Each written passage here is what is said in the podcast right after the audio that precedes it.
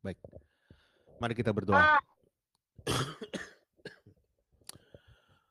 Bapak yang baik, terima kasih. Sekali lagi kami boleh datang ke hadirat Tuhan, mengucap syukur untuk semua hal yang boleh kami terima dan kami nikmati daripada Tuhan. Pemeliharaan dan kasih setia Tuhan yang boleh kami rasakan hari lepas hari sampai kami boleh ada juga kembali menginjak di hari ini dan bertemu dalam kegiatan DOC Pleno kelas 10 Tuhan.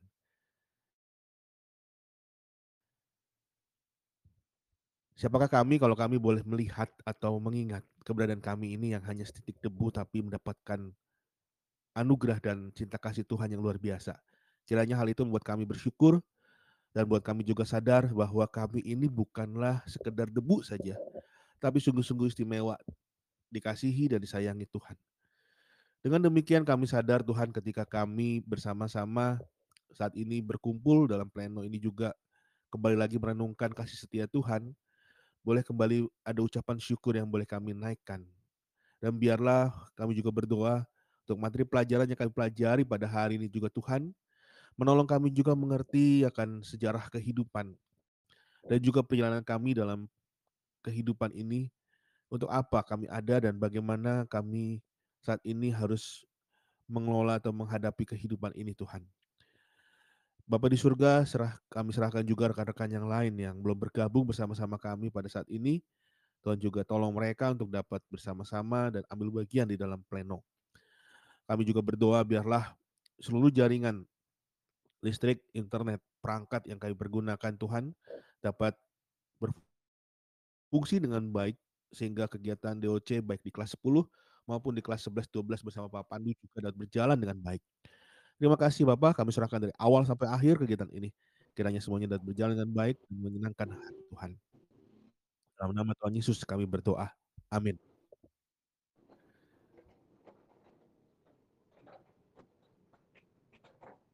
Halo Ibu Ona, selamat pagi. Ya. oh. Ya. Buat teman-teman sekalian yang mau menyalakan video silahkan. Ya, kalau mau tapi kalau mau mendengarkan lewat audio juga silahkan ya. Uh, sebentar Kak Hartawan bagi share script dulu.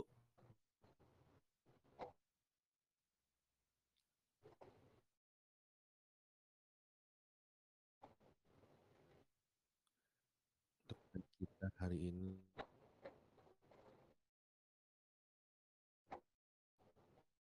Ini kita ini akan belajar atau bicara tentang dosa ya teman-teman. Mungkin teman-teman sekalian sudah sering tapi mencoba melihat dengan lebih baik lagi bagaimana kita melihat dosa ini dari yang lain ya teman-teman. Sebelumnya mari kita lihat terlebih dahulu untuk bagian pembukaannya. Pak Har.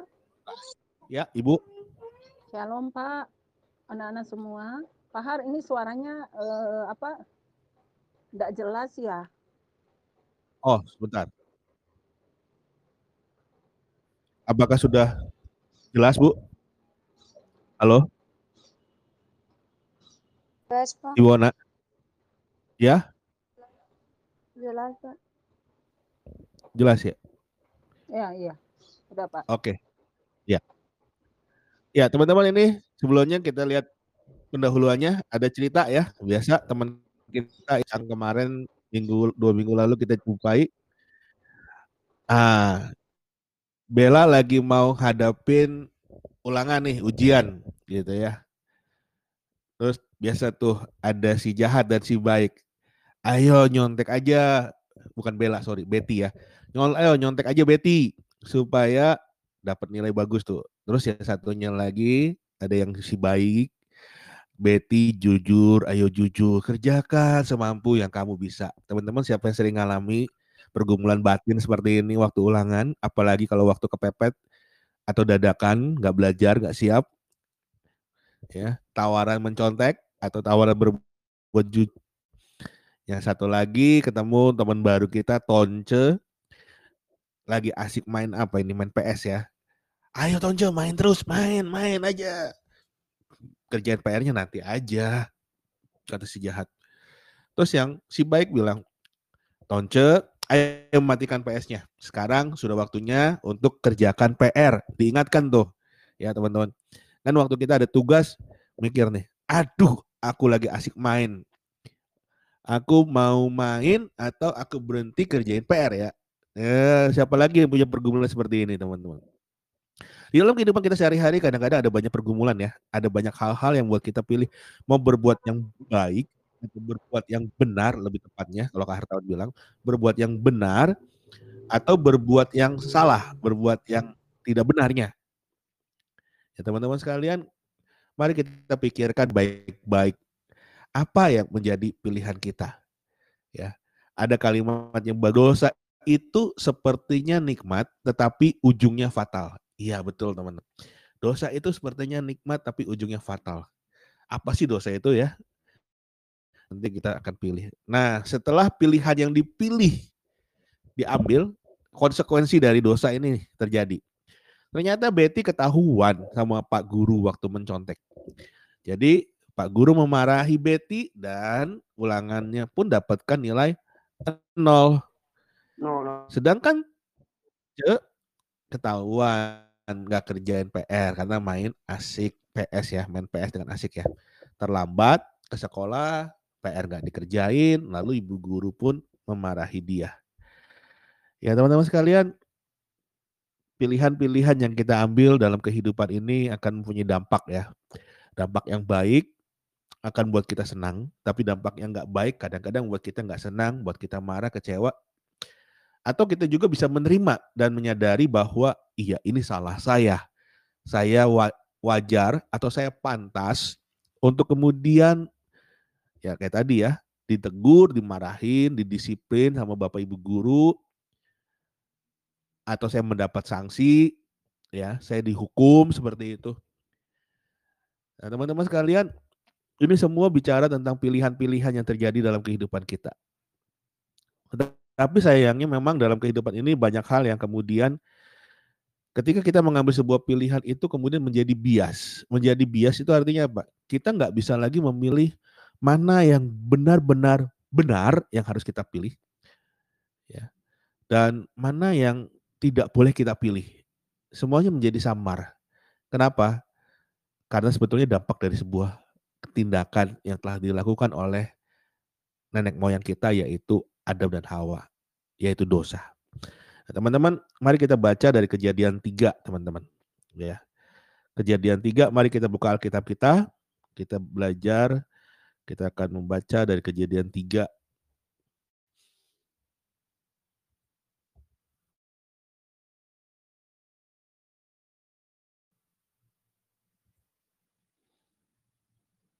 Silakan teman-teman baca dulu kejadian 3, kakak beri waktu.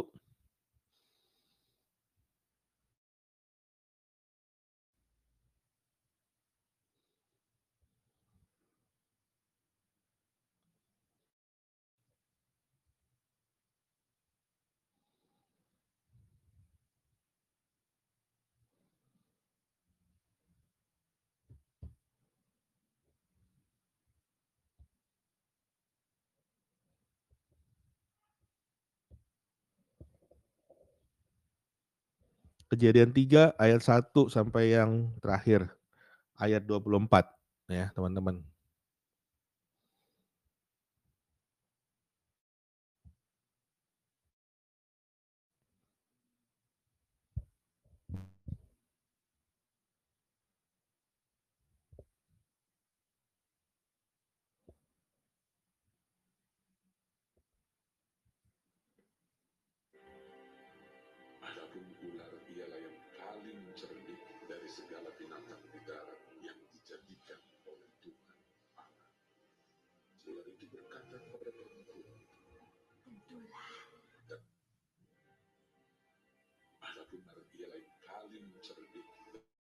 segala tindakan kita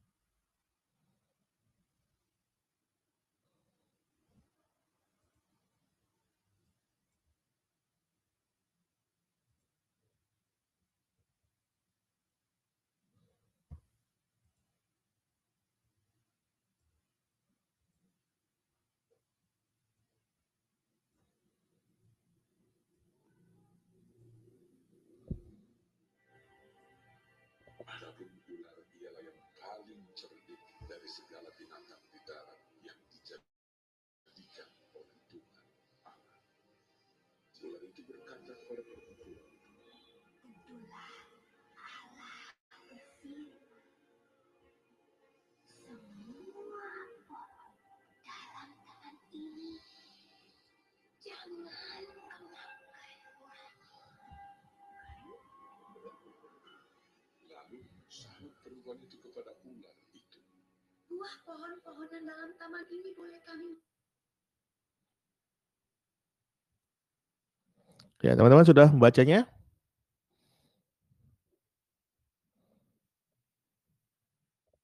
Sudah, Pak.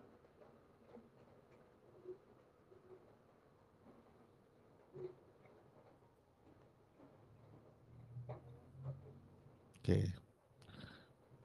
Ini karena merespon Ya, Pak Kak.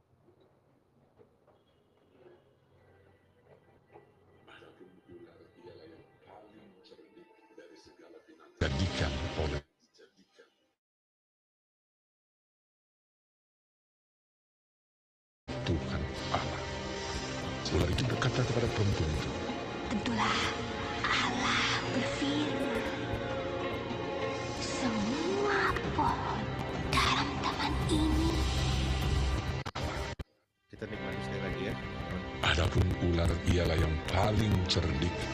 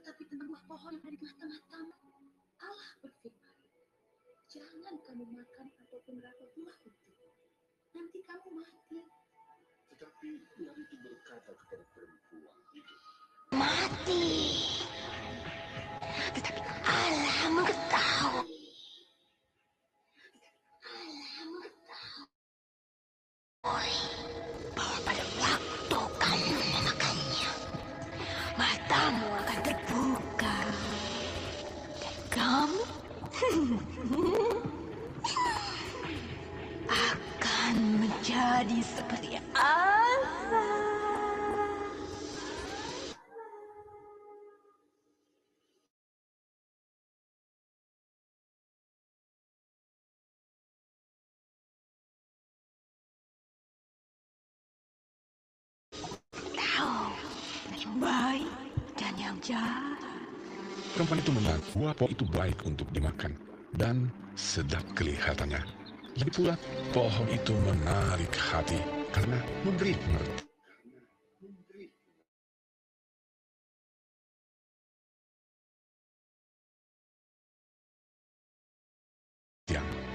Lalu ia mengambil buahnya dan dimakannya dan diberikannya juga kepada suaminya yang bersama-sama dengan dia.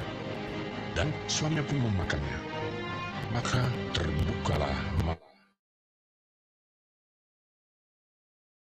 mereka berdua dan mereka tahu bahwa mereka telanjang. Lalu mereka menyemat daun pohon ara dan membuat calak. Ketika mereka mendengar bunyi langkah Tuhan Allah yang berjalan-jalan dalam taman itu waktu hari sejuk, bersembunyilah. Bersembunyi.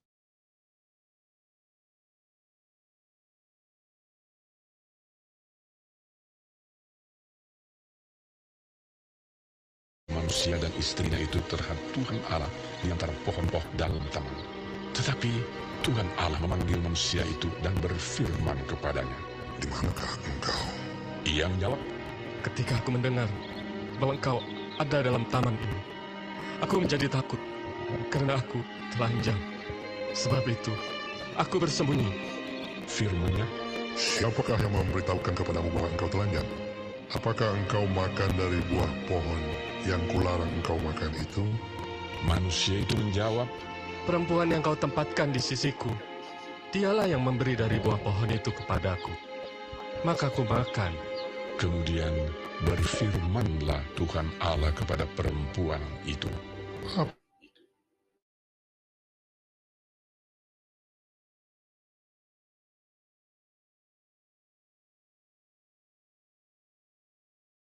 Apakah yang telah kau perbuat ini?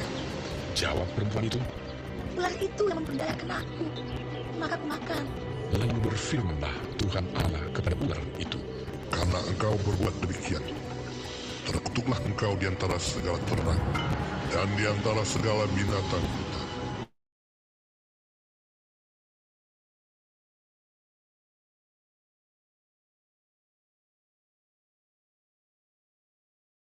Berkuasa atasmu, Lalu firmannya kepada manusia itu, karena engkau mendengarkan perkataan istrimu dan memakan dari buah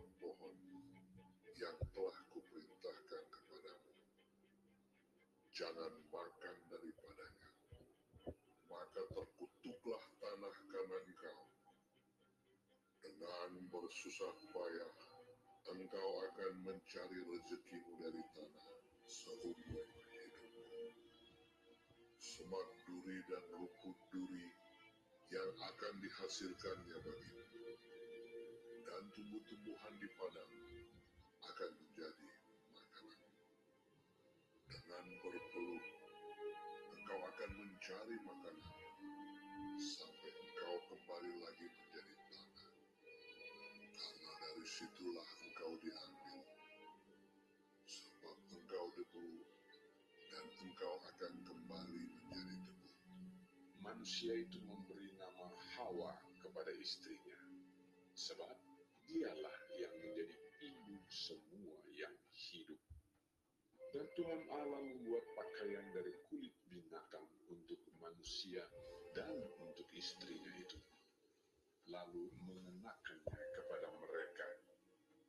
Berfirmanlah Tuhan Allah Sesungguhnya manusia itu telah menjadi seperti salah satu dari kita. Tahu tentang yang baik dan yang jahat. Maka sekarang, jangan sampai ia mengulurkan tangannya dan mengambil pula dari buah pohon kehidupan itu dan memakannya. Sehingga ia hidup untuk selama-lamanya. Lalu Tuhan Allah mengusir dia dari Taman Eden, supaya ia mengusahakan tanah dari mana ia diambil. Ia menghalau manusia itu, dan di sebelah timur Taman Eden ditempatkannya lah beberapa kerub dengan pedang yang bernyala-nyala dan menyambar-nyambar untuk menjaga jalan ke pohon kehidupan.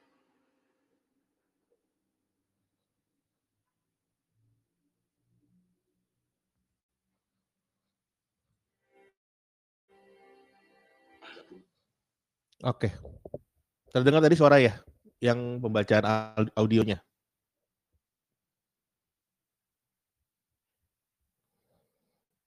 Ya, teman-teman sekalian, kita udah membaca kejadian tiga.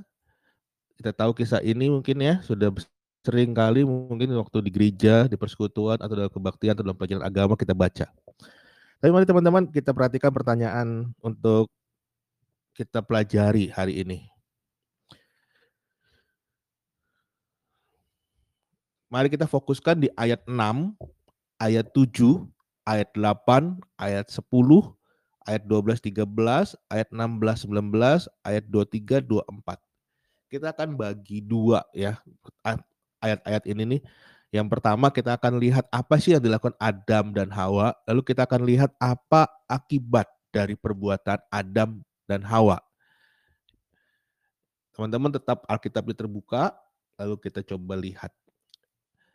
Dalam ayat 6 dikatakan perempuan itu melihat bahwa buah pohon itu baik untuk dimakan dan sedap kelihatannya. Lagi pula pohon itu menarik hati karena memberi pengertian. Lalu ia mengambil dari buahnya dan dimakannya dan diberikannya juga kepada suaminya yang bersama-sama dengan dia dan suaminya pun memakannya. Setelah melihat Jadi dari mata ya teman-teman, memandang, melihat, wah menarik. Hati mulai tergerak. Lalu dia kemudian tangan itu bergerak, mengambil buah dan memakan. Ayat ketujuh akibatnya, terbukalah mata mereka berdua dan mereka tahu bahwa mereka telanjang. Lalu mereka menyemat daun pohon ara dan membuat cawat. Jadi mereka berdua kemudian memiliki satu perbedaan di dalam pengetahuan mereka. Kalau mereka kemudian jadi tahu kalau mereka telanjang dan mereka membuat kemudian dari daun-daunan itu pakaian dalam untuk menutupi ketelanjangan mereka. Ayat yang ke-8 teman-teman. Ketika mereka mendengar bunyi langkah Tuhan dan berjalan yang berjalan-jalan dalam taman pada waktu hari sejuk, Bersembunyilah manusia dan istrinya itu terhadap Tuhan Allah di antara pohon-pohonan dalam taman. Ayat yang ke-10, ia menjawab, ya Tuhan kan kemudian mencari di mana engkau Adam gitu ya. Kemudian Adam itu menjawab, ketika aku mendengar bahwa engkau ada dalam taman ini, aku menjadi takut. Perhatikan teman-teman, aku menjadi takut karena aku telanjang. Jadi Adam itu nggak menjawab, aku menjadi takut karena aku berbuat dosa, aku berbuat salah, aku melanggar tidak taat kepada perintah Tuhan. Enggak. Adam menjawab, aku takut karena aku telanjang, sebab itu aku bersembunyi. Ya, teman-teman, lihat ya. Fakta yang dibabar, eh, yang dipaparkan di dalam bagian ini menarik. Aku jadi takut bukan karena perbuatan aku yang salah, tapi aku takut karena kondisi aku setelah aku berbuat salah itu. Jadi takut sama Tuhan, Adam itu. Karena hasil yang dilakukan oleh dia. Dan menarik teman-teman, ketika kehartawan juga siapkan bagian ini, Tuhan berjalan-jalan di dalam taman itu pada hari sejuk. Teman-teman bayangkan hari sejuk, kapan kita di Amun bisa menikmati satu situasi yang wah udaranya enak nih, menyenangkan. Kan kita tahu pantai ini panas gitu ya. Waktu malam mulai sejuk ada angin sepoi-sepoi, angin sibu-sibu gitu kan. Itu kan kondisi yang enak gitu ya. Kondisi yang nyaman. Nah pada waktu itu tuh ternyata di Taman Eden itu kondisinya lagi bagus ya. Tidak ada yang buruk, tidak ada yang jelek. Dan ketika Hawa itu melakukan perbuatan dosa itu kondisinya lagi enak, lagi bagus teman-teman pada hari sejuk dikatakan di situ. Ayat 12 13.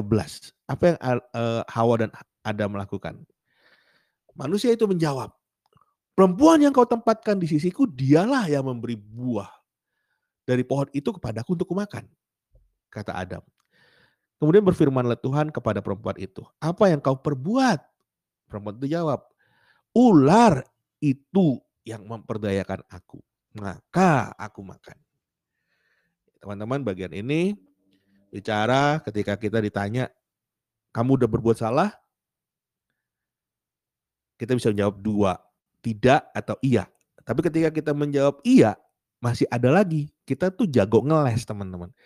Jago pingpong gitu ya. Bukan bermain pingpong tenis mejanya.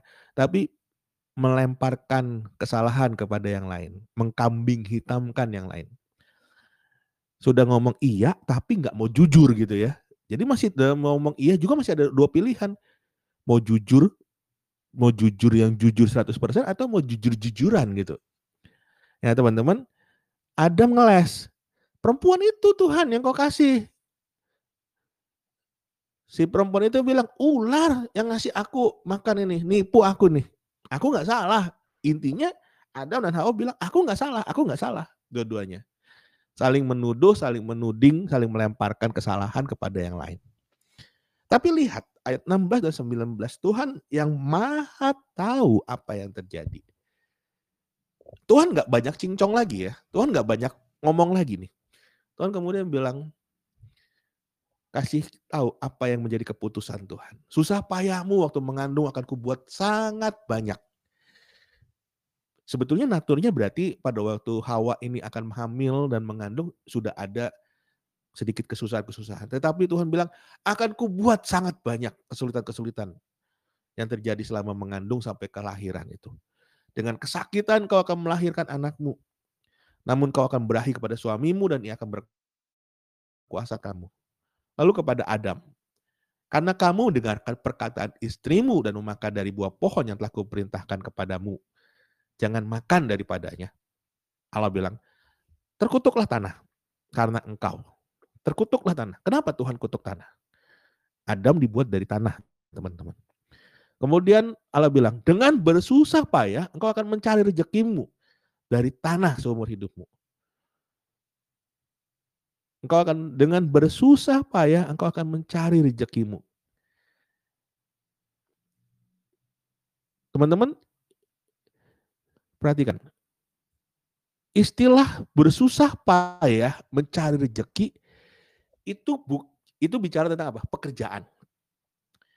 Jadi pekerjaan itu bukanlah akibat dari dosa, teman-teman. Bukan. Ketika Adam dan Hawa Allah tempatkan dalam Taman Eden, Allah kemudian memerintahkan mereka untuk bekerja. Apa yang dikerjakan? Mengurus taman, mengolah segala sesuatu yang ada di dalam Taman Eden, dijaga, dikelola dengan baik. Kok bisa sih Adam dan Hawa Tuhan kasih suruh kerja? Karena teladan sebelumnya yaitu siapa? Yang paling puncak ultimate adalah Tuhan. Tuhan sendiri bekerja. Waktu dia menciptakan dari hari ke-1 sampai ke hari ke-6. Allah bekerja. Maka ciptaan yang Allah ciptakan pun Allah kemudian berikan tugas untuk bekerja. Nah, setelah kejadian dosa ini, pekerjaan yang tadinya gampang, mudah, menyenangkan untuk dikerjakan, itu kemudian memiliki pergumulan-pergumulan tersendiri, teman-teman. Bukan bekerja, pekerjaan itu bukan hasil dari kutukan dosa, bukan. Tetapi ketika kita bekerja setelah berdosa, pekerjaan itu bersusah-susah, memiliki perjuangan, memiliki kesulitan-kesulitan tersendiri. Teman-teman. Dengan bersusah payah kau akan mencari rezekimu dari tanah seumur hidupmu. Jadi Tuhan bilang, terkutuklah tanah, tempat di mana asalnya kita dipakai, bahan baku kita. Yang kedua, perjuangan kita untuk bekerja menjadi lebih berat semak, duri, dan rumput duri yang akan dihasilkan bermu dan tumbuh-tumbuhan di padang akan menjadi makananmu. Dengan berpeluh engkau akan mencari makananmu sampai engkau kembali lagi menjadi tanah, karena dari situlah engkau diambil, sebab engkau debu dan engkau akan kembali menjadi debu. Ya teman-teman, jadi kita akan bekerja dengan lebih keras lagi dari sebelumnya waktu kita belum tidak berdosa. Dengan berpeluh, dengan bekerja keras, dengan berjeri lelah. Akibat dari dosa ini ya perjuangan kita untuk mencari rezeki, mencari makan. Lalu kemudian dikatakan ayat 23 24. Lalu Tuhan Allah mengusir dia dari taman Eden. Allah mengusir Adam dan Hawa dari tanda petik dari rumah yang paling aman dan nikmat saat itu untuk keluar dari taman Eden dan kemudian pergi ke tempat yang di luar Taman Eden, mengembara, memulai kehidupan di luar Taman Eden. Ia menghalau manusia itu di sebelah timur Taman Eden dan ditempatkannya beberapa kerup dengan pedang yang bernyala-nyala dan menyambar-nyambar untuk menjaga jalan ke pohon kehidupan. Sejak itulah manusia kemudian tidak lagi bisa datang mendekat dan masuk ke dalam Taman Eden lagi ceritanya. Ini bicara tentang relasi Allah yang rusak dengan manusia. Bicara di mana manusia tidak lagi bisa menikmati satu persekutuan yang baik, relasi yang baik, hubungan yang baik dengan Allah. Allah mengusir mereka keluar, dan kemudian Adam dan Hawa memulai kehidupan baru pasca dosa di luar Taman Eden. Nah, teman-teman, mengapa Adam dan Hawa bisa jatuh dalam dosa dan bagaimana sikap Allah terhadap dosa. Ada yang mau kasih komentar teman-teman? Bagaimana nih? Kok Adam dan Hawa bisa jatuh dalam dosa dan bagaimana sikap Allah terhadap dosa, teman-teman? Kita pikirkan, ah gampang kok aku berbuat salah juga kok nanti kan Tuhan akan ampuni. Matius eh, 1 Yohanes 1 ayat 9. Teman-teman sering kali dalam kehidupan kita, dalam keluarga bersama papa mama juga. Ketika kita berbuat salah, papa mama kan paling marahin kok. Ya, paling tegur kita kok. Seberat-beratnya dihukum, potong uang jajan. Dihukum tidak boleh keluar di kamar doang. Ketika kita ketahuan berbuat salah, ketika kita berbuat ketahuan berbuat yang tidak benar. Entah ketahuan kita mencontek, entah ketahuan kita ngambil uang papa mama, entah ketahuan kita ngerokok kah gitu ya, entah kita ketahuan kalau kita pergi keluar tanpa ngomong sama orang tua, entah ketahuan kita berkelahi sama teman. Apa pun gitu ya, berbuat salah kan sudah. Papa mama kan paling cuma bisa gitu dan kita sendiri teman-teman yang menjadi orang pelakunya kadang-kadang kan semakin sering dihukum, semakin sering di marahin atau semakin sering dapat ini kan kita sendiri nggak merasa aku oke-oke saja kok. Ya, teman-teman ini perhatikan dampak dari dosa. Ya. Mengapa Adam dan Hawa bisa jatuh dalam dosa? Karena kelemahan, teman-teman. Tidak kuat pegang prinsip yang benar. Tidak taat kepada Tuhan. Gampang untuk tergoda. Perhatikan teman-teman ya di ayat yang menggambarkan ketika peristiwa itu terjadi ayat 6. Perempuan itu melihat perempuan itu melihat bahwa buah itu baik untuk dimakan dan sedap kelihatannya, lagi pula pohon itu menarik hati karena memberi pengertian. Mulai dari melihat, teman-teman. Melihat, kemudian apa yang dilihat itu kan otak kita proses. Akal budi kita proses. Wah, iya ya, ucapannya si ular bener nih di antara semua pohon yang lain, di antara semua buah lain yang sudah pernah aku makan, buah ini nih lebih menantang ini. Kan dilarang untuk dimakan oleh Tuhan. Aku nggak boleh deket, aku nggak boleh ngambil dari pohon itu. Wah ini buah yang langka. Wah ini buah yang istimewa nih pasti. Kan pikirnya makin seperti itu tuh. Makin dilarang, kita makin kemudian penasaran, makin ingin tahu kan teman-teman. Naturnya manusia tuh gitu. Inilah sisi kelemahan yang harus kita waspadai teman-teman. Hawa gitu ngelihat. Tapi Hawa tahu nggak kalau Allah kemudian melarang? Tahu. Tahu dari siapa? Dari Adam. Allah bilang ke Adam, Adam bilang ke Hawa. Jadi Hawa tahu, tahu. Walaupun Allah nggak bicara langsung sama dia. Tahu apa yang jadi aturan mainnya tuh seperti apa? Tahu. Tapi otak itu sudah mulai mikir, kenapa? Dengar dari bisikan ular, perkataan ular. Ambil, nanti kamu jadi seperti Allah. Kamu bisa tahu gitu ya, banyak hal. Teman-teman keinginan ketika mulai dikipas.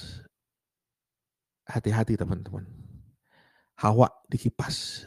Awal lihat tuh bagus buah itu Hawa pun kemudian ambruk jatuh ke dalam kelemahan. Tidak mau taat, tidak berpegang kepada Tuhan. Kontras ya, ironi teman-teman ya. Di saat itu Adam dan Hawa sedang memiliki relasi yang terbaik, terbagus. Mereka bersama-sama dan dengan Allah. Jadi mereka bersama Allah dan juga dalam persekutuan, dalam ikatan dengan Allah juga teman-teman. Lihat, kondisi yang paling oke pun tidak membuat kita kemudian menjadi kuat. Ya teman-teman. Saya jangan sampai kita bilang, aku anak Tuhan, aku rajin ke gereja, ibadah, kebaktian, setiap kalau ada kalau tiap hari aku ikutin gitu ya. Nggak hanya hari nggak hanya hari Minggu, Senin, Selasa, Rabu, Kamis, Sabtu. Aku ikutin gitu ya. Teman-teman. Baca Alkitab. Wah, aku baca satu hari itu bisa sampai 20 pasal, 30 pasal gitu. Doa, wah 24 jam, tiap jam doa. Seandainya gitu ya teman-teman. Tapi itu tidak membuat kamu kemudian kebal. Membuat kamu kemudian anti untuk berbuat dosa. Enggak teman-teman. Kamu menjadi sombong. Ingat jadi perumpamaan yang Tuhan Yesus bilang. Kisah yang antara seorang pemungut cukai dan orang Farisi yang berdoa. Tepuk dada orang Farisi. Aku the best di dalam praktek. Kahartawan bilang praktek. Kenapa? Pada intinya kita nggak betul-betul bersekutu sama Tuhan. Karena itu menjadi seperti kita apa perbuatan yang lahiriah seperti itu, yang rutin, aktivitas rutin kita.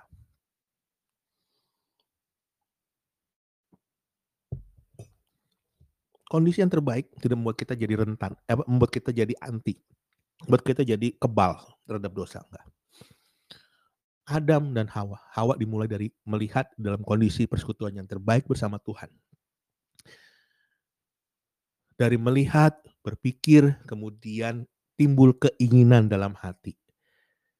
Aku harus mengambil, aku harus memakan buah itu.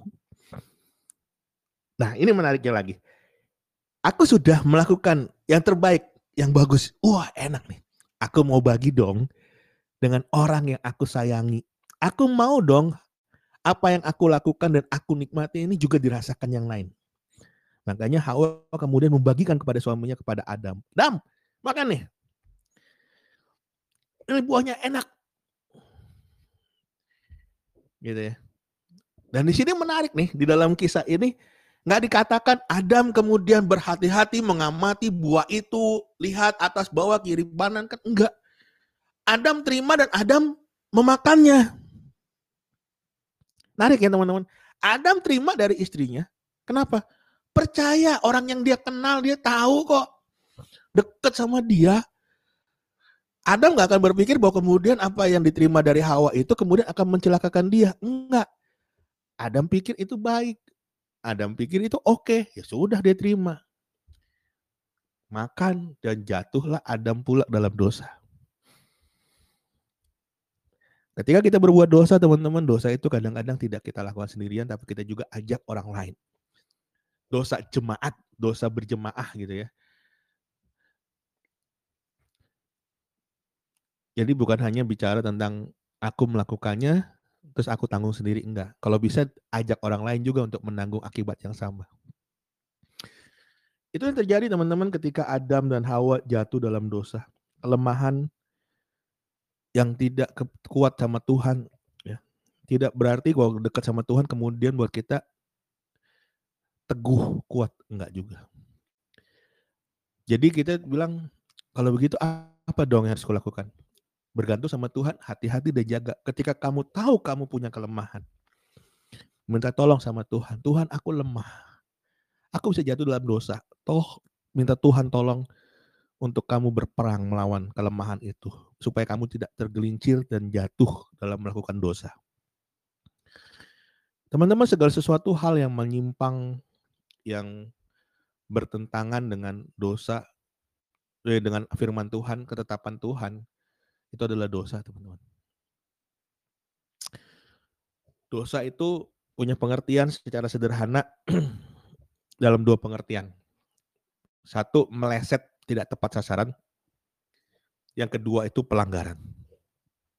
Teman-teman, kalau kita tahu olahraga panahan ya, dalam olahraga panahan itu ada papan bidik ya, papan bidik yang tengah-tengahnya yang harus dibidik ya, itu tepat jitu 100% di situ, kalau bisa bidik di situ.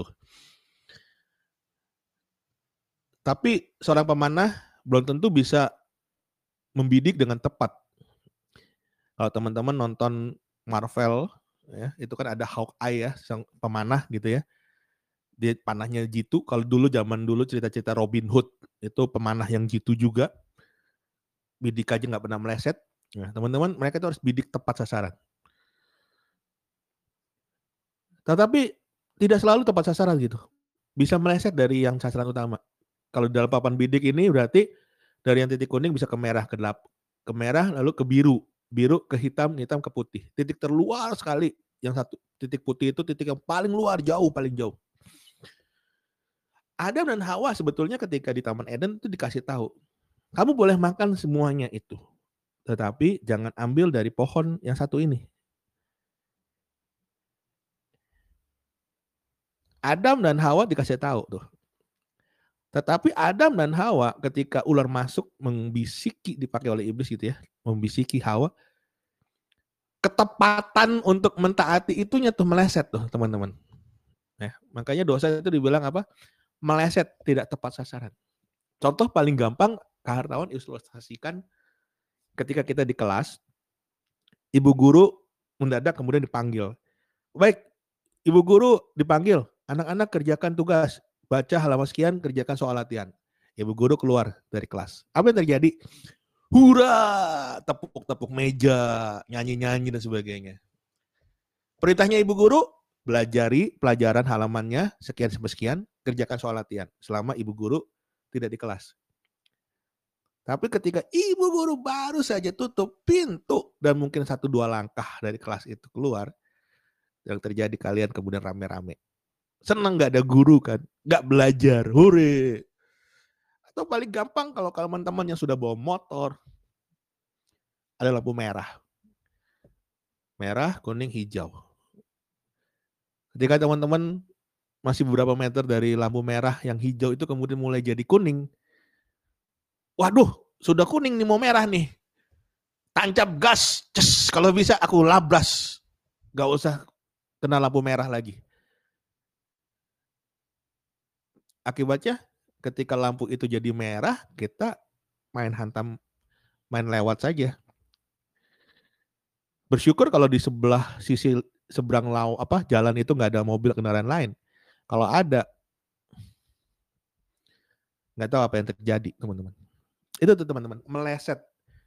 Kita dikasih tahu, kamu harus lakukan ini, tapi kita nggak melakukannya. Makanya digambarkan seperti olahraga panahan, teman-teman. Meleset dari sasaran. Yang kedua bicara pelanggaran. Loh kok dosa bisa jadi pelanggaran sih? Ya teman-teman sekalian, itu ketika Allah memberikan aturan kepada Adam dan Hawa. Kamu boleh makan buah yang lain dan buah dari pohon ini nggak boleh. Allah sedang memberikan sebuah ruang yang di mana sebetulnya ada batasan-batasan yang Allah berikan kepada kita yang ini di daerah pohon ini kamu nggak boleh masuk. Tapi di luar dari pohon ini bebas, silahkan. Kamu mau berbuat apa saja di luar daripada wilayah yang aku larang. Gitu ya. Tuhan kasih tahu tuh. Kamu boleh berbuat apa aja, kamu boleh main, boleh makan, boleh apa aja di situ. Tapi di wilayah pohon ini, pohon pengetahuan baik dan jahat, jangan.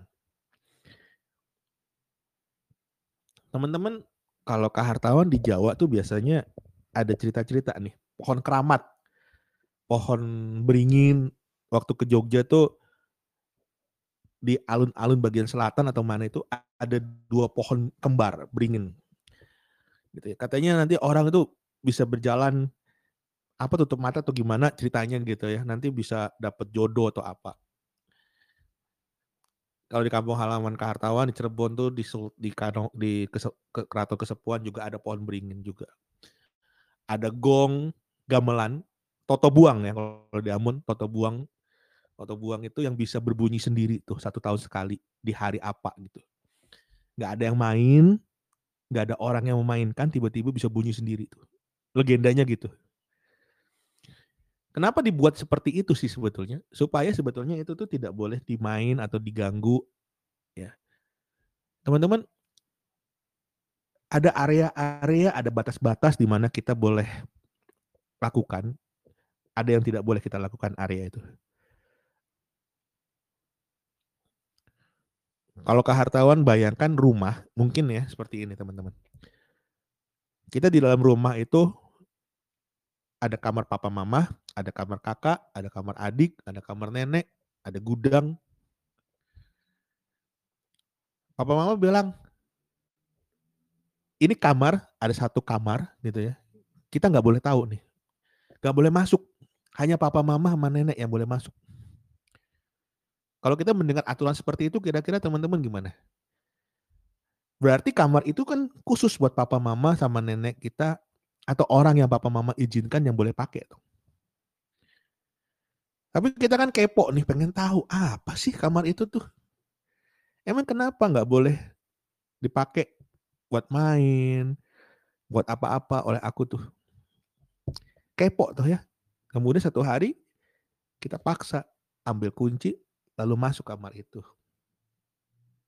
Ternyata kamar itu kamar tamu. Kalau papa mama atau nenek punya tamu nginep di sana. Tapi karena kita kepo, kita masuk tuh ke kamar itu yang dilarang untuk kita masuki.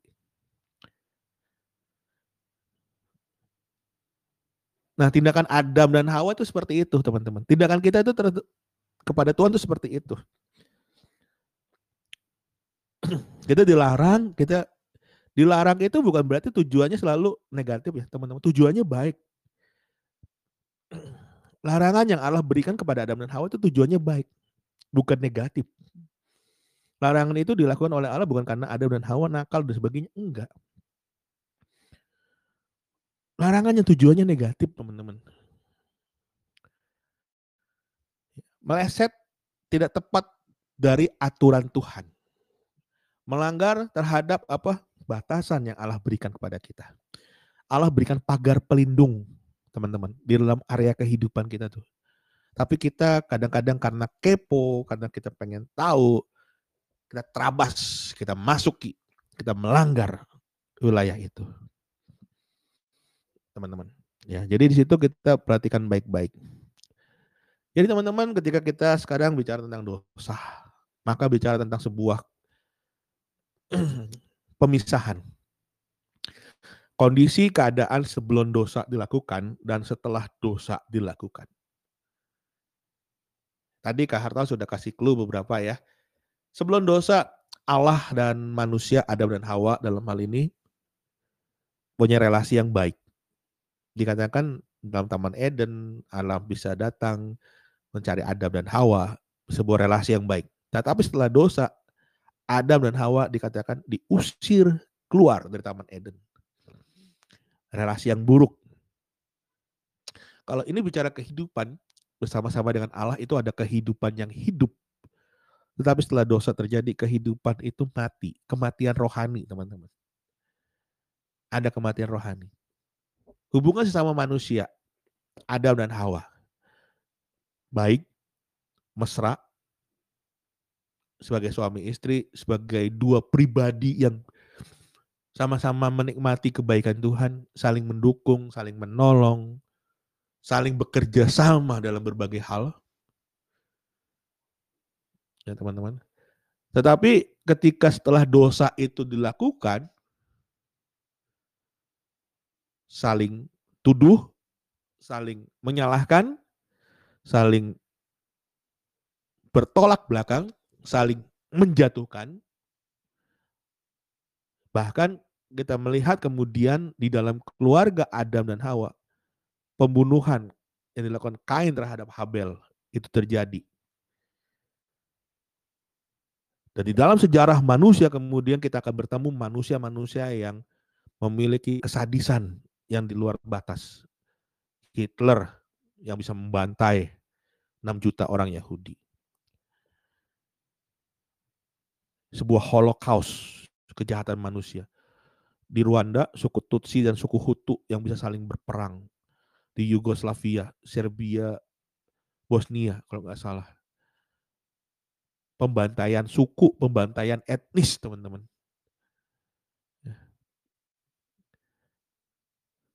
Di dalam bicara tentang ciptaan yang lain relasinya.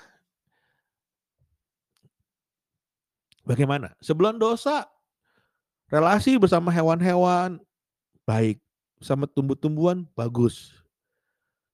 Tetapi setelah dosa, manusia kemudian mulai merusak alam, merusak ciptaan ini.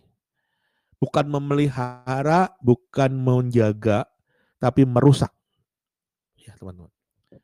Ada kelompok-kelompok yang berusaha untuk mengolah dan merawat dan mengusahakan yang terbaik. Ada.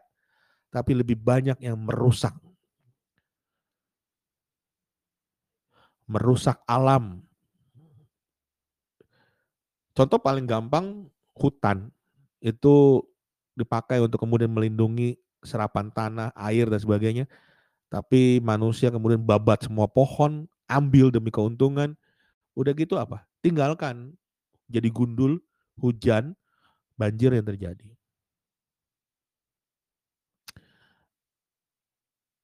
Eksploitasi alam, pertambangan dan sebagainya.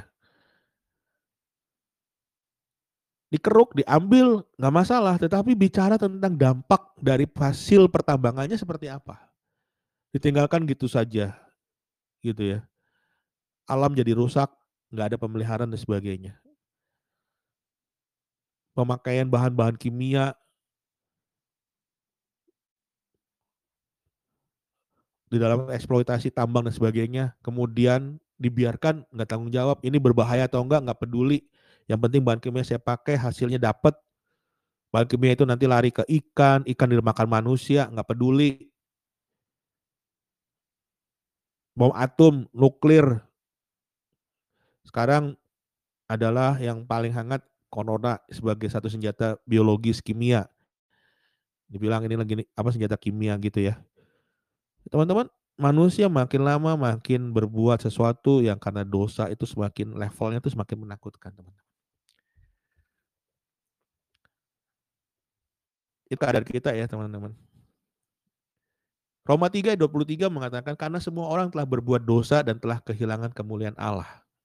Roma 6 ayat 23 sebab upah dosa ialah maut tapi karunia Allah ialah hidup yang kekal dalam Kristus Yesus Tuhan kita.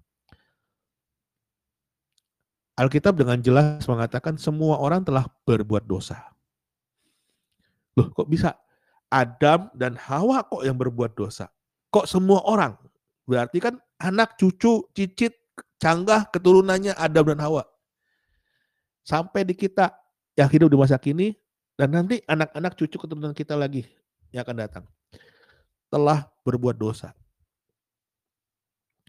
Alkitab dengan jelas tidak ada satupun manusia yang didapati benar oleh Allah. Setelah dosa terjadi ya. Tidak ada satupun manusia didapati Allah benar adanya setelah perbuatan dosa itu terjadi.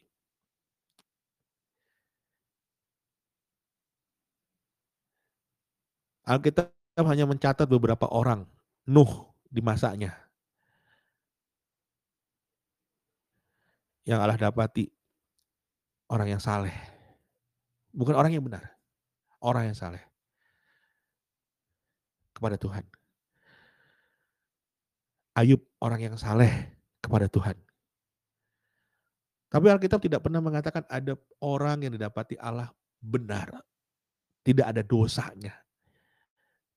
Tidak ada dosanya itu tidak ada.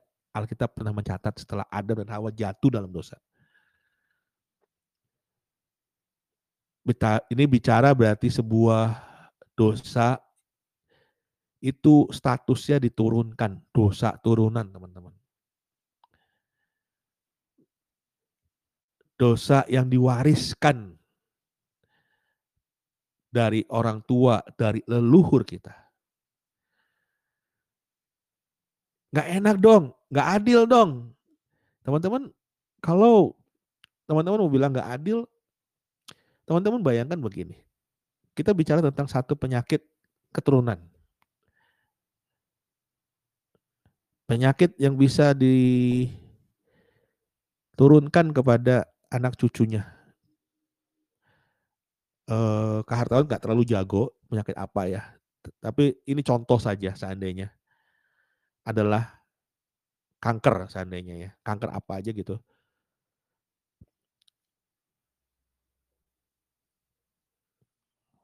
Oh diabetes paling gampang. Diabetes itu paling gampang. Diabetes teman-teman kencing manis itu penyakit turunan. Diabetes itu ya teman-teman orang tua kita kakek nenek kita mungkin ada satu mungkin punya diabetes. Nikah. Anak-anaknya ada yang punya, mungkin kalau dia punya dua anak, yang satu ada diabetes, yang satunya enggak diabetes. Bisa seperti itu teman-teman. Dari anak yang diabetes dia kawin, anaknya bisa ada yang diabetes, ada yang tidak diabetes, ada yang tidak diabetes lagi. Hukum Mendel ya teman-teman. Kemudian dari yang anak yang tidak diabetes, anaknya bisa ada yang dapat diabetes juga keturunan potensinya ada. Ya teman-teman. Itu dosa seperti itu teman-teman. Diwariskan, diturunkan. Semua orang telah berbuat dosa.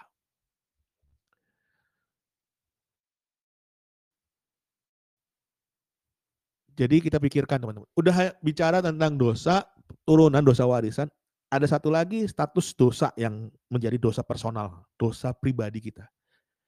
Kita mendapatkan status sebagai orang berdosa, kita kemudian juga menjadi pribadi yang berbuat dosa. Itu dosa pribadi. Dosa yang kita lakukan, teman-teman. Kita mendapatkan status sebagai keturunan berdosa dari Adam dan Hawa, ya. Tetapi ketika kita hidup di dalam dunia, kita menjadi pribadi. Kita hidup dan kemudian kita melakukan perbuatan-perbuatan yang salah.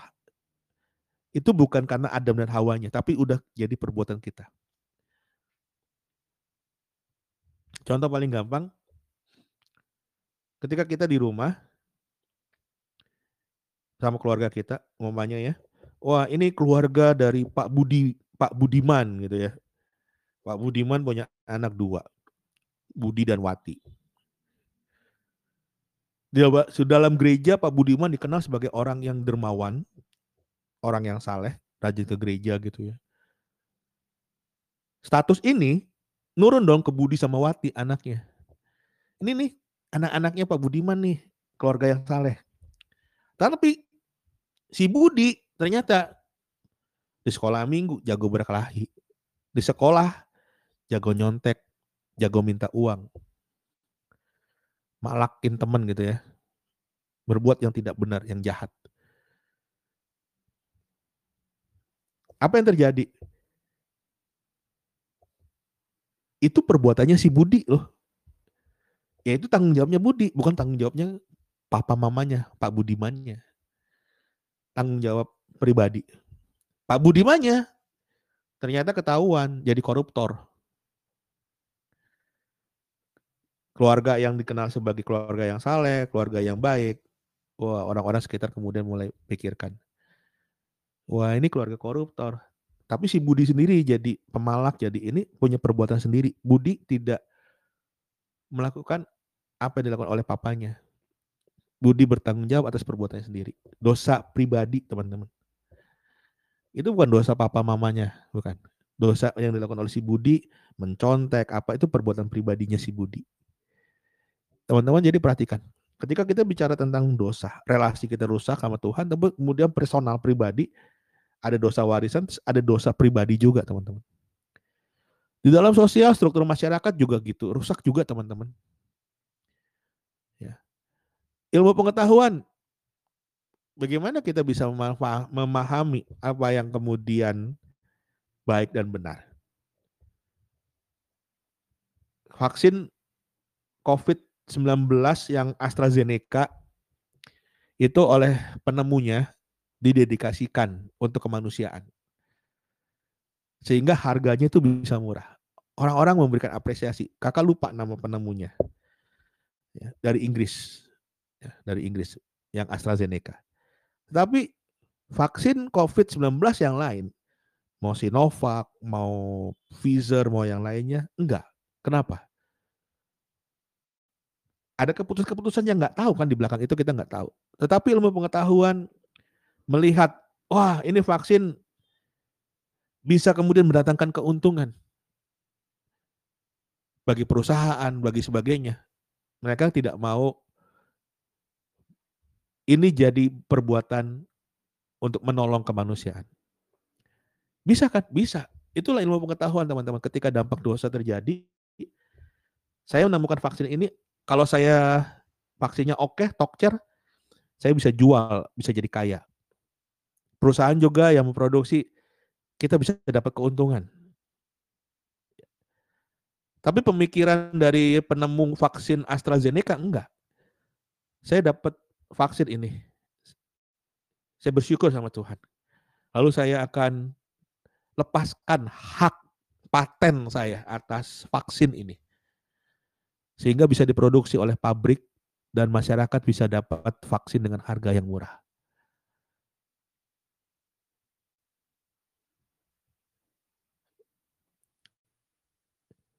Teman-teman lihat ya, motivasi dan ininya. Banyak pemik banyak ilmuwan-ilmuwan Kristen Blaise Pascal dan sebagainya itu yang berkecimpung dalam ilmu pengetahuan tapi punya hati untuk Tuhan tuh bisa melakukan sesuatu yang baik. Tetapi sebagian besar ilmu pengetahuan ketika ilmuwannya, pelakunya tidak punya hati dan tidak takut akan Tuhan, tidak hidup benar dalam Tuhan, akan mendapatkan keuntungan-keuntungan yang lain.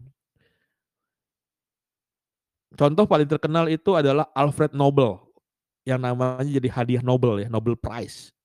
Itu suatu kali dia menemukan dinamit alat peledak. Alfred Nobel ketika menemukan dinamit itu tujuannya bukan digunakan untuk perang.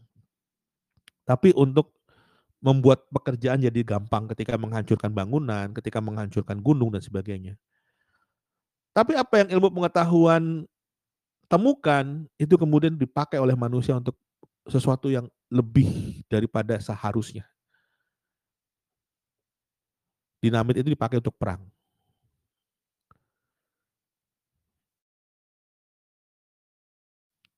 Teman-teman, pengetahuan kena dampak. Struktur sosial di masyarakat kena dampak. Bagaimana dengan kebenaran? Kebenaran juga kena dampak, teman-teman. Kita nggak ada yang tahu. Apa yang bisa kita sebut benar? Apa yang bisa sebut salah? Teman-teman, kalau sekarang kakak bukan mau bilang pesimis, tapi orang-orang memainkan kebenaran, baik dengan jabatan maupun dengan uang. Saya punya uang, saya tahu saya salah, tapi saya bisa keluarkan uang berapapun saya banyaknya, supaya saya tidak bersalah. Kebenaran yang seharusnya jadi sebuah kebenaran yang tidak ternoda, tidak tercemar, akhirnya ternoda, teman-teman. Tujuan hidup, teman-teman. Berapa banyak di antara kita yang memiliki tujuan hidup untuk menyenangkan Tuhan? Tujuan hidup saya, saya mau kaya, gitu ya.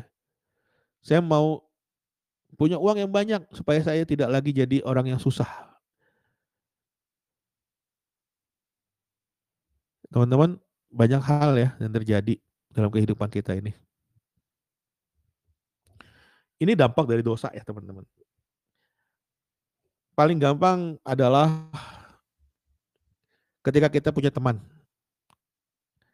Kita punya teman supaya kita punya teman itu apa? Supaya kita nggak kesepian, supaya saya punya orang yang bisa saya suruh-suruh, atau seperti ada saya mendapatkan seorang yang bisa menolong saya untuk belajar, supaya saya lebih pintar, supaya saya lebih baik lagi, saling menolong. Atau ketika saya ada kesulitan, saya punya seorang penolong. Ketika kita cari teman, cari sahabat, teman-teman.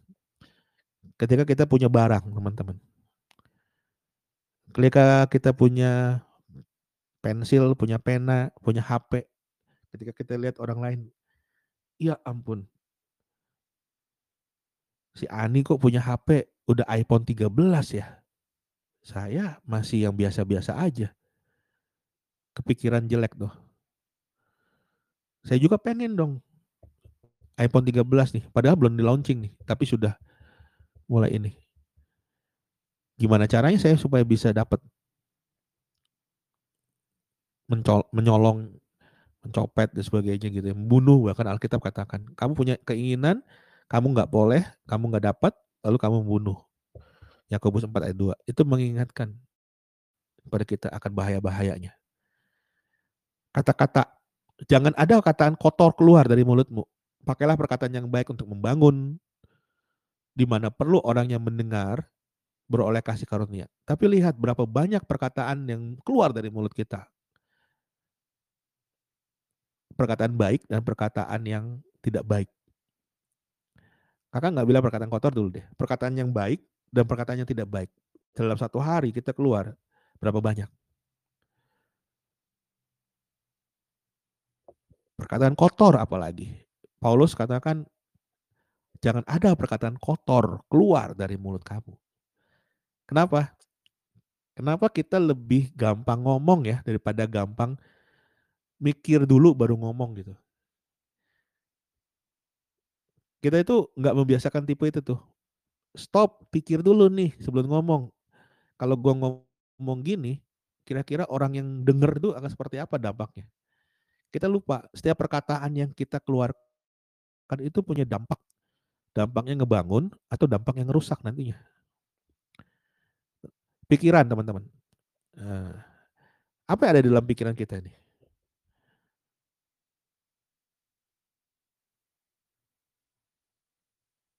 Dari pikiran, kemudian nanti jadi tindakan loh teman-teman. Itu ya. Tangan dan kaki itu cuma melaksanakan apa yang sudah diputuskan di dalam otak, dalam pikiran kita. Kita mau mencuri, kita mau membunuh, kita mau berzina, kita mau punya perkataan apa perkataan-perkataan kotor, sumpah palsu, hujatan dan sebagainya. Itu semua dari pikiran. Uang, teman-teman. Ketika kita punya uang, 1 Timotius 6 ayat 10 mengatakan akar dari segala kejahatan cinta uang. Bukan uangnya, bukan uangnya. Cinta uangnya. Uang alat tuker yang baik menjadi sumber kejahatan. Nafsu dan sebagainya. Teman-teman perhatikan dampak dosa itu begitu banyak ya. Rusak. Nah inilah teman-teman. Ya, betapa menakutkan sebetulnya dosa itu dan daya rusak atau daya penghancurnya yang luar biasa teman-teman. Kita nggak pernah mikirkan. Dan Tuhan dengan tegas, sikap dia dengan tegas terhadap dosa. Allah mengambil satu tindakan strike pada Adam dan Hawa. Dihukum. Dipisahkan. Allah sanggup mengambil keputusan yang terbaik untuk kemudian memisahkan manusia dari Taman Eden, dari relasi dengan Allah. Kenapa Allah begitu? Allah kudus, teman-teman. Allah kudus. Allah bersih. Allah tidak suka kepada dosa. Allah mengasihi Adam dan Hawa, mengasihi. Tetapi perbuatan dosa itu menjadi pemisah. Menjadi satu pengganjal yang besar di dalam relasi Allah bersama manusia. Allah nggak bisa bersama-sama dengan manusia yang kotor, manusia yang dosa itu. Nanti kita melihat dalam pelajaran berikutnya bersyukur. Allah menjanjikan pertolongan kepada kita. Ya. Ketika kita berdosa, ketika kita merasa bahwa saya kotor, saya tidak layak di hadapan Tuhan. Tuhan kemudian memberikan cara untuk pengampunan dan penebusan dosa itu. 1 Yohanes 1 ayat 9 mengatakan, Barang siapa mengaku dosa, maka ia adalah setia dan adil. Sehingga ia akan mengampuni segala dosa kita dan menyucikan kita dari segala kejahatan. 1 Yohanes 1 ayat 9 ini menjadi satu ayat yang menguatkan kita. Iya, ada pengampunan yang Tuhan sediakan karena dosa yang sudah terjadi dia masih mau menerima dan masih mau berrelasi sama kita. Ini satu kekuatan dan satu jalan keluar, teman-teman. Dari dampak dosa. Dosa menghancurkan keistimewaan manusia. Dan yang bisa memperbaiki hanyalah penciptanya. Betul, teman-teman. Teman-teman, selama dua minggu silahkan. Teman-teman hafalkan juga Matius 2641. Berjaga-jagalah dan berdoalah supaya kamu jangan jatuh ke dalam pencobaan. Roh memang penurut, tapi daging lemah, teman-teman. Ya, teman-teman, hati-hati, waspada tiap-tiap hari. Jaga-jaga, minta Tuhan tolong supaya kita jangan jatuh ke dalam dosa. Tuhan menolong, Tuhan bantu kita menjalani hari-hari kehidupan ini.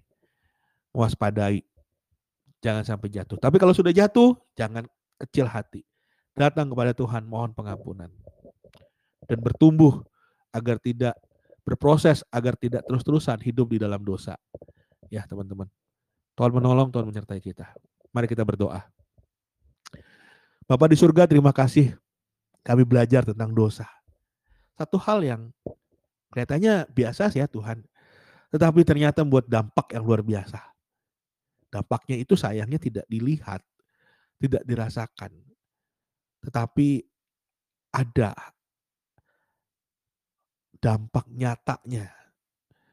Tuhan tolong bantu kami untuk mengoreksi hati. Bantu kami untuk menjaga hati kami Tuhan. Kami lemah. kami ini bukan orang yang kuat.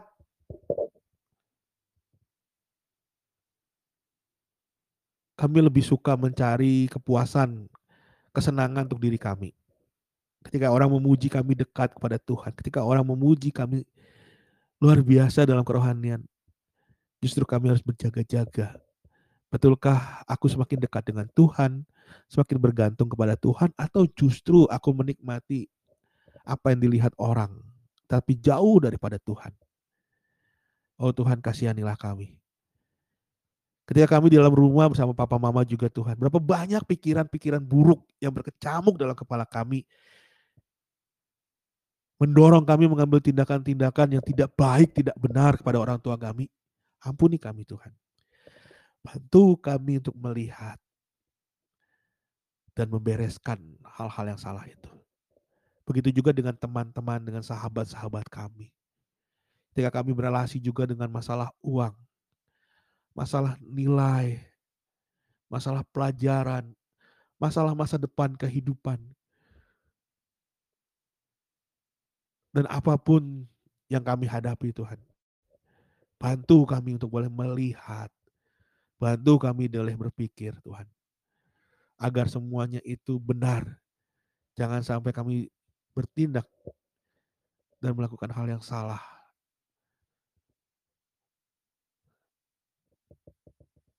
Bantu kami untuk boleh dapat berjaga-jaga Tuhan. Bantu kami untuk berwaspada.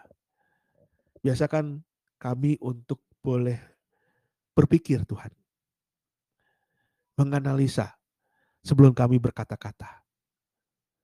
Sebelum kami mengambil tindakan. Biasakan kami untuk ngerem dulu Tuhan. Sebelum kami berjalan, melanjutkan, melakukan berbagai macam hal. Dan biasakan kami juga untuk bertanya kepadamu. Apa maksud Tuhan? Apa petunjuk Tuhan? Apa rencana Tuhan? Di dalam setiap hal yang harus diambil sebagai keputusan. Sehingga keputusan-keputusan yang kami ambil menjadi keputusan-keputusan yang baik. Menjadi keputusan-keputusan yang benar tapi bila pun ada keputusan-keputusan itu salah,